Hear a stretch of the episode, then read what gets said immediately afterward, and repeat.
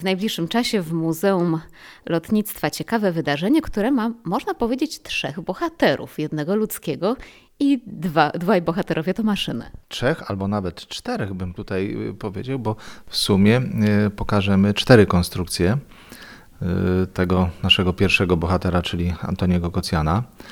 Postać wyjątkowa, człowiek legenda, tak możemy powiedzieć, z pełną odpowiedzialnością wybrał drogę, mm, no można powiedzieć, y, taką naukową, y, studia w Warszawie i tam się rozwinął, jeżeli chodzi o swoją działalność, działalność jako konstruktora, inżyniera, y, sportowca, patrioty, który walczył w czasie wojny polsko-bolszewickiej, a później w konspiracji już w czasie II wojny światowej. Trafił do obozu. Tak, trafił do obozu. To jeżeli byśmy chcieli opowiedzieć życie Antoniego Kocjana, ono było niezwykle barwne, dlatego warto tą postać e, przypominać. Zapisał się jako wyśmienity e, konstruktor. Jest współautorem pierwszego rekordu e, lotniczego Polski z 1929 roku. To jest rekord wysokości lotu, który ustanowił wspólnie z Franciszkiem Żwirko na samolocie RWD-2. Mało kto może o tym pamięta. To była wysokość 4000, e, bodajże 4 metry. Powiedzmy teraz coś o tych e, maszynach, które będzie można zobaczyć, a które też są przyczynkiem do tego spotkania. Te maszyny, no to w zasadzie są e, szybowce i motoszybowiec. Bo Antoni Kocjan zasłynął z tego właśnie, że jak chodzi o jego działalność konstruktorską, że budował szybowce. Przed II wojną światową w Polsce było użytkowanych około 1400 szybowców. Połowa z tych szybowców to były konstrukcje Antoniego Kocjana. Ponad 700 sztuk. I dzięki jego konstrukcjom nasze szkolenie lotnicze tak było rozwinięte. Pierwsza konstrukcja Czajka, druga konstrukcja Wrona, szybowiec szkolny, który musiał wybaczać wiele błędów temu uczniowi. Musimy też wiedzieć, że to szkolenie nie odbywało się tak jak teraz na maszynach dwusterowych, ale y, solo, czyli pilot sam siadał i to, co mu instruktor przed startem powiedział, to musiał wykonać w trakcie lotu. Błąd można było przypłacić, no przynajmniej drobnym potłuczeniem. No tak, tak się to, tak się to nieraz e, zdarzało, że dochodziło do jakichś tam e, powiedzmy małych e, incydentów lotniczych, no ale te maszyny musiały być odporne właśnie na tego typu sytuacje, jakieś twardsze lądowanie, jakiś błąd pilota. No i też nie odbywało się to od razu, że takiego delikwenta, ucznia wyprowadzono gdzieś tam na wysoką górę, no bo te, te loty odbywały się z góry. W większości przypadków tak się szybownictwo rozwijało, że ono rozwijało się w górach. Te szybowce startowały po naciągu lin gumowych, czyli trochę były tak szczelane z procy.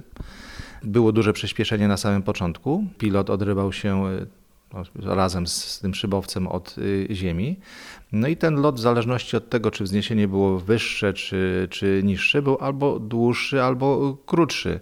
Tym szybowcem takim szkoleniowym, y, na którym no większość pilotów y, w Polsce się wyszkoliła, to jest szybowiec Wrona i to jest właśnie ten, który mamy w swoich zbiorach i który żeśmy odremontowali, czy przywróciliśmy mu dawny blask, przywróciliśmy pierwotny wygląd, czyli tak jak te Wrony były wtedy produkowane, to była czyste drewno, sklejka, lakierowane. Więc ta wrona wygląda trochę jak taki stary mebel, ale bardzo ładnie się prezentuje. Ma właśnie przez to taki swój y, urok wyjątkowy, że widać to, to drewno, te słoje tego drewna.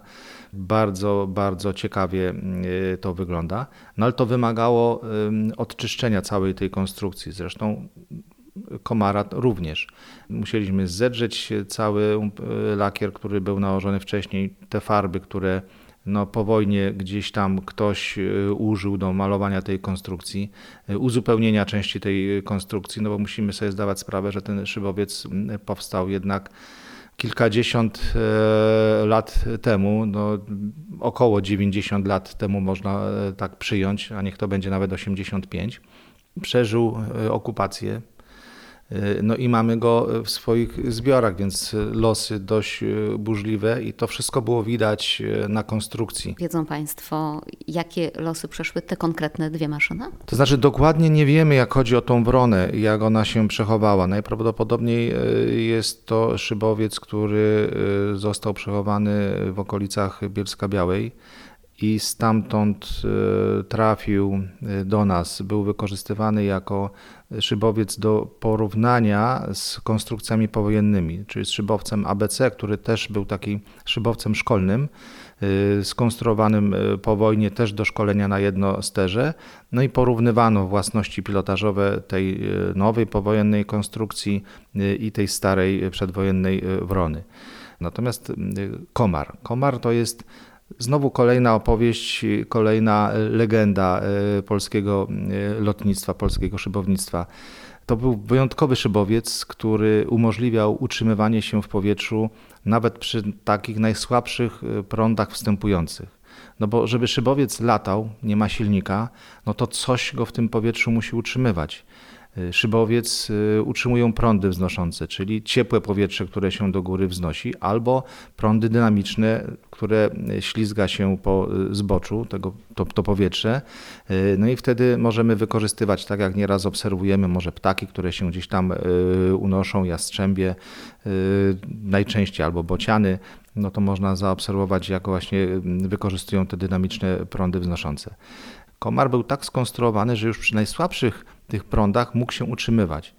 No dzięki temu, miał, że miał małą prędkość lotu, około 40 km e, na godzinę prędkość minimalna e, i e, opadanie około 0,6 metra na sekundę, czyli 60 metra na sekundę. No to, to już było bardzo niedużo i warunki nazywano właśnie komarzymi.